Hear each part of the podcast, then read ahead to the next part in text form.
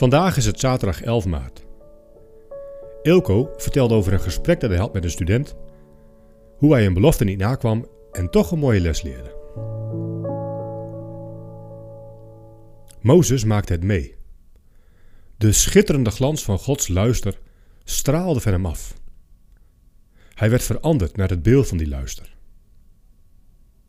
Mozes moest die glans bedekken. Het volk Israël kon niet naar hem kijken. In 2 Corinthians 3, vers 15 tot 18 schrijft Paulus: Tot op de dag van vandaag ligt er een sluier over hun hart, telkens als de wet van Mozes wordt voorgelezen. Maar telkens als iemand zich tot de Heer wendt, wordt de sluier weggenomen. Welnu, met de Heer wordt de geest bedoeld. En waar de geest van de Heer is, daar is vrijheid. Wij allen die met onbedekt gezicht de luister van de Heer weerspiegeld zien, zullen door de geest van de Heer meer en meer naar de luister van dat beeld worden veranderd.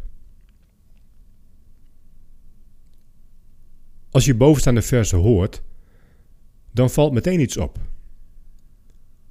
Blijkbaar kan je pas echt vrij en open stralen als je zonder bedekking naar Jezus kijkt. Je zou ook kunnen vergelijken met een klok. Voor de komst van Christus tikt de tijd met de klok van doe dit, doe dat. Een ritme van toen. Dat ook nodig was om bij God en zijn volk te horen. Nu Christus gekomen is, tikt een andere tijd. Die van geloof door de geest. Bij deze klok tikken woorden van vertrouwen, geloof, rust, bewogenheid, moed en kracht.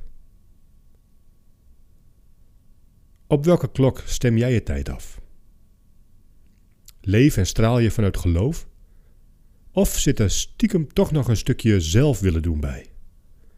Of doelen moeten bereiken? Afgelopen zomer heb ik met een ENR-team een aantal dagen activiteiten georganiseerd in een woonwijk. Een kinderclub, sporten, gezellige zomeravonden. Ergens aan het einde van de week had ik een gesprek met een jonge gast uit de buurt. Eigenlijk ging hij de hond van de vakantievierende buren uitlaten, maar hij bleef toch even hangen. Een echte filosoof. Studeren en veel denken over de zin van het leven. Vooral ook over alle onrecht en ongelijkheid in de wereld. Hij was absoluut niet met God bezig. Ja, zijn oma wel. Maar het geloof lost ook niets op. Ik sprak af hem nog een keer op te zoeken, om nog eens door te praten. Aan het eind van afgelopen jaar hebben we daar met de buurt kerst gevierd. En na afloop sprak ik een van de vaders, die ook de vader van bleek te zijn van onze jonge filosoof.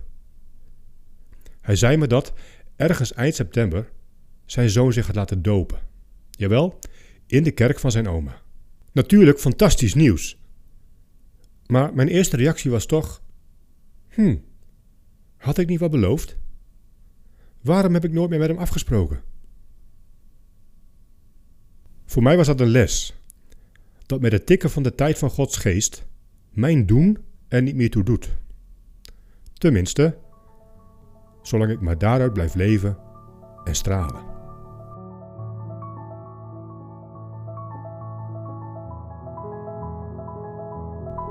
Leuk dat je luistert naar 40 dagen hier en nu. De podcast die je wil helpen om Jezus te volgen in jouw hier en nu. Wil je meer weten over deze podcastserie? Ga naar 40dagenhierennu.nl. en nu.nl. Voor de Bijbelteksten in deze podcast gebruiken we de MBV 21 van het Nederlands-Vlaams Bijbelgenootschap.